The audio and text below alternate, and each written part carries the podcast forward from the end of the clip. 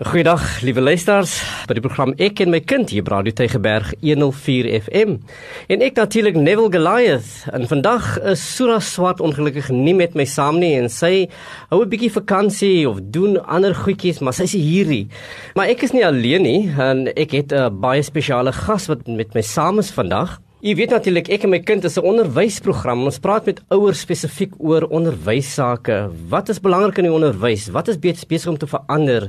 Wat is dit wat u moet weet? Hoe kan ons ons kinders gereed maak vir die wêreld waarin ons vandag onsself bevind?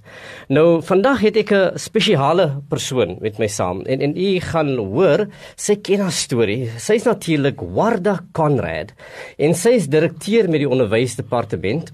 Maar sy gaan meer vir ons vertel wie sy nou werklik is en wat haar taak by die onderwysdepartement behels.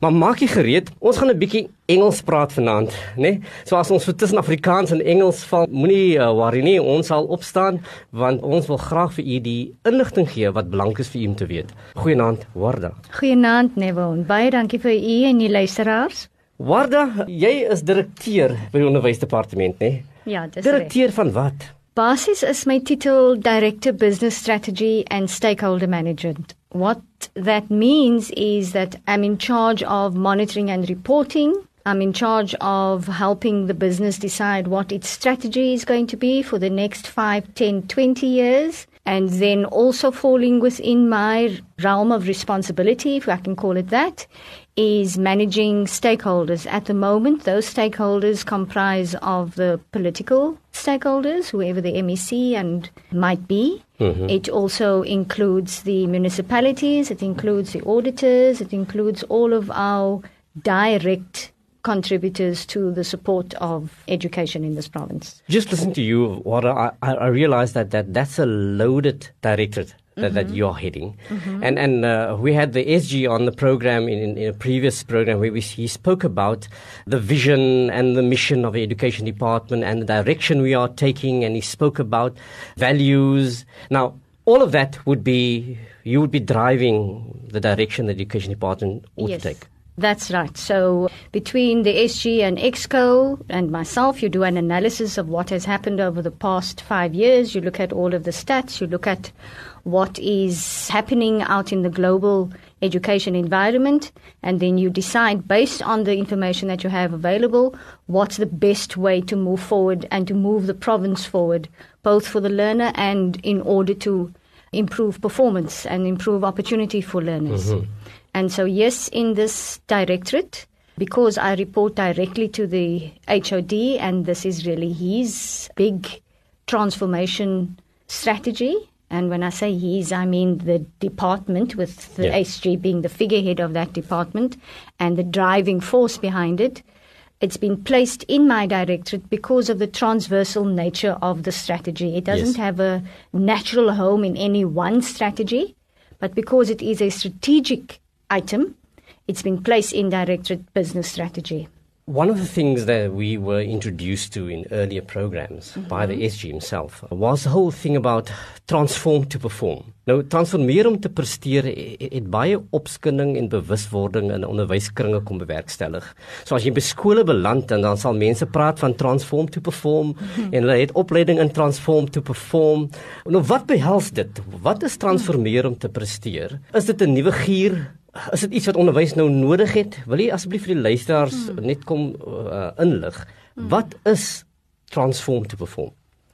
Well, I need to take a step back before okay. I can give you what transform to perform is. If you look at the Western Cape context, and you have to understand what it is that we have to deal with, you have to understand in terms of every year, year on year, we get about mm. 25,000 learners who flood into our province. We've got absenteeism, we've got drugs and violence, we've got all mm. of the socio and socioeconomic um, and socio-emotional scourges that impact on our children and our ability to achieve the vision of the department, which is quality education. Mm. Over the last few years, our focus has been largely on concentrating on content and curriculum delivery. Yes. Anyone who understands education and understands how to educate and assist a child to becoming the best version of themselves understands that the three areas you need to focus on is head, hand, and heart. Mm-hmm. Because you deal with the whole child.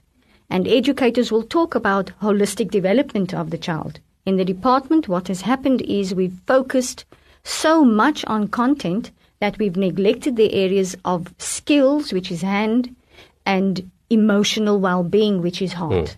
In the absence of that, you cannot achieve what it is that you really need to achieve for the child. Bearing that in mind, we're also dealing with a bureaucratic system that is entrenched in the way of, of how it does its business.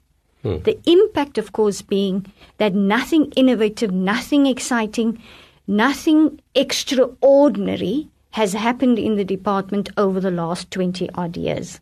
Into that space comes transform to perform, mm-hmm. which is really taking the three things that you need to focus on as an educator, as a teacher, and pull the little bits and parts together under one umbrella, if you will, called transform to perform. And what it is saying is every single pillar, every single directorate, every person and entity who has anything to do with education in this province needs to understand the way that he or she thinks in order to transform the way we think and the way we operate so that our performance improves. Is it new? Yes, it is. It's new mm. in the scale and the scope of it. In the tiny little bits of it, if we break it down into its granular bits, then it is not new. Mm. You'll find little pockets of example, the values in education bits. In fact, values in education was first touted by Kader Asmal. Yeah. It didn't land anywhere because it was seen as a political tool. The value of it was therefore lost and it didn't it didn't land and, and grow fruit and bear any kind of fruit, really. Growth mindset, which is one of our other pillars, that also yeah. is globally known, as is neurolinguistics and neuroscience, neuroplasticity. That is something that's newish yeah. in the field. It's known very well in business, less so in education. Let's go a bit further deeper, focus, further? deeper in the sense mm-hmm. that I want to ask the question in this way. Now, you've mentioned head, heart, and, and hand. Yes. Now, how would learners directly mm-hmm. benefit from that approach? So, what has happened is we've identified four pillars really the first being leadership development. Yeah. Of course, the entire ecosystem around the learner mm. needs to be addressed, hence the four pillars that we've identified. And the ecosystem includes the leadership around it. So the principal, the SMT will all undergo the same kind of intervention, if you will, the same kind of training and exposure and learning opportunities. The learner himself will get the values conversations. Mm-hmm. And what we've also done is we've engaged with the RCLs, and the RCLs have adopted this learner values driven approach. Mm-hmm. What you'll see also is, I'm sure the SG must have mentioned, is our focus on the learner and the learner accountability, learner self agency in the year of the learner 2019. Mm-hmm. What we're asking the RCLs to drive is learner acceptance that they are responsible for the conversations around values. They need to understand, they need to be able to discuss and sit around a table and talk and share ideas of what does it mean for me, for me to know that I'm being loved, respected, and whichever values it is that, that they're talking about. Mm. What it requires of the learner is an acknowledgement that he needs to think about the lines that he needs to draw. How it impacts is a learner who's just been acting day to day and reacting to situations and thinks that he's got no control over his behavior, suddenly creates a framework prior to something happening. Yes. And because he's creating a framework and in his conversations he's testing out scenarios and how he would respond in those scenarios, when it does happen, he's got an inbuilt response. Hmm. And that you get through values conversations. So you're saying that that growth mindset is not an addition to what the learner must learn or is it doesn't necessarily stand outside the curriculum? Is it integrated with the curriculum? And I think what parents would need to know is when would my child be doing this? Is it now after school? Is it during school? When will we be getting this? When will my child really engage this new thing? Well, that's not a new thing. When will this happen in the lifespan of that child? All right. So the one that I had just spoken about, which was the values in education yes. and those conversations, that should happen at any point constantly mm. throughout the child's conversation and needs to be set up by RCLs, needs to be set up by the teachers and the schools. The growth mindset one in particular is a series of videos with, that the child will watch. Okay. And what it does, the growth mindset is such an interesting phenomenon really globally because the pilot that we ran, what growth mindset says is if I can just explain what growth mindset means mm-hmm. to your listeners is someone with a growth mindset understands that they have the ability to improve, to change, to do better, to excel through continual practice at a thing. So they don't give up. Mm. They develop resilience, and when you develop resilience, you develop the characteristics of continual improvement, mm-hmm. which will set up a child phenomenally well when they have to enter this new world that we're never going to experience. Mm.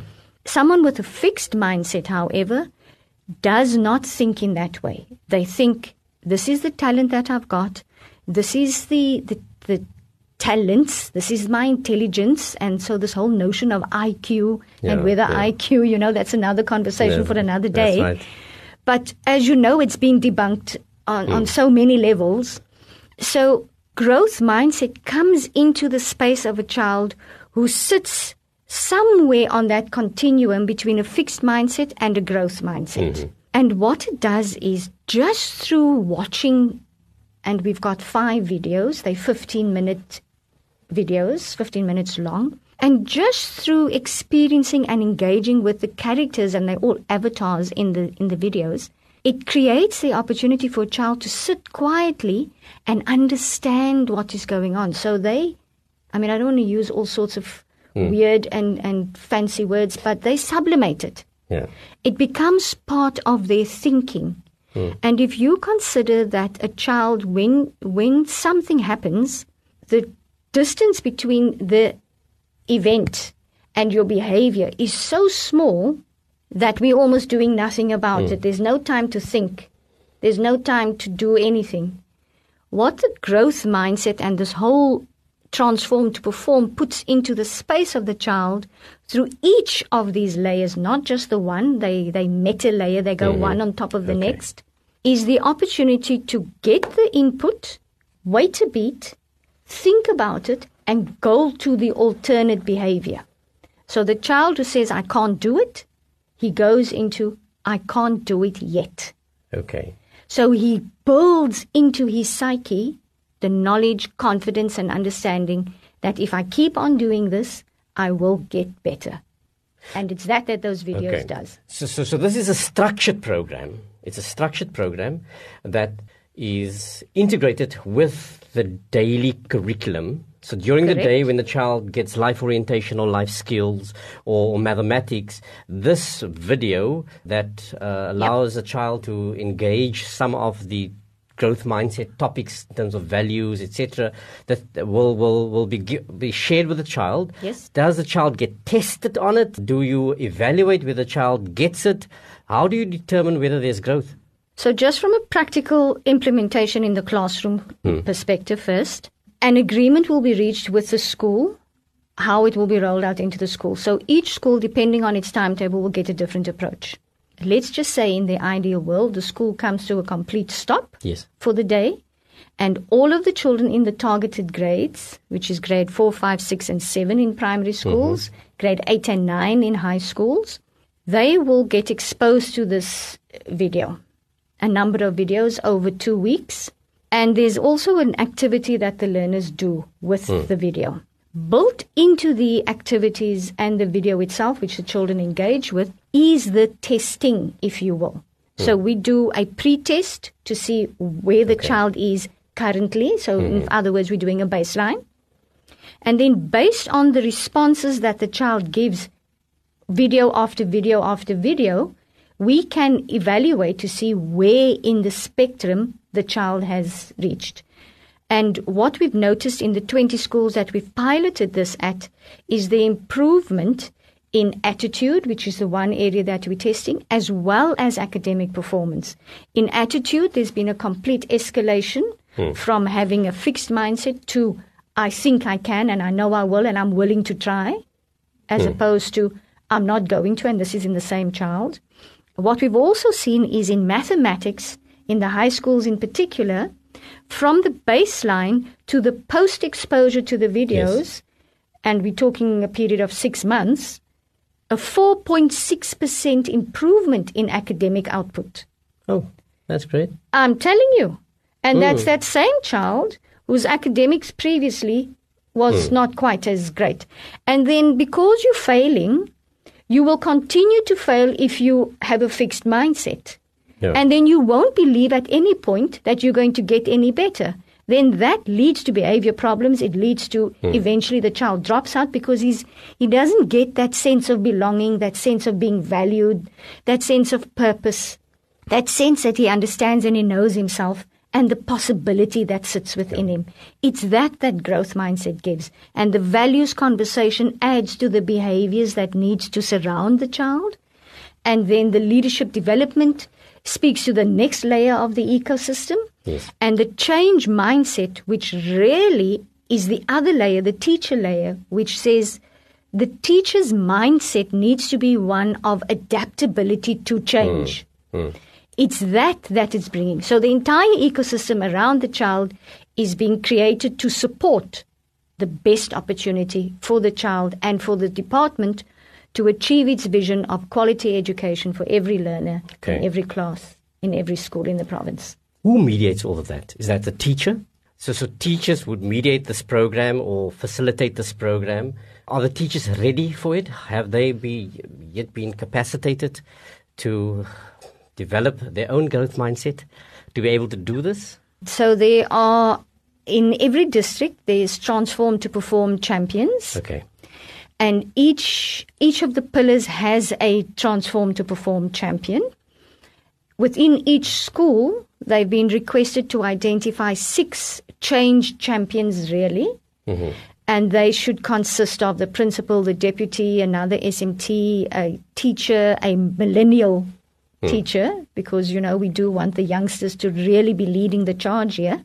And in the high schools, an RCL member and then we're also asking for an SGB member to participate, okay. as well as a non teaching member. Because right. if we're saying the whole ecosystem, then we mean the whole ecosystem. Mm. Every school, there are 20 schools that have been identified for growth mindset for this year. Mm. Next year, there'll be 30, and the year after will be 40 per district. Yes. So we're talking 160, 230, 320 or something like that. I mean, mm. don't quote me on the numbers, but it's 20 schools per year for this year and 160.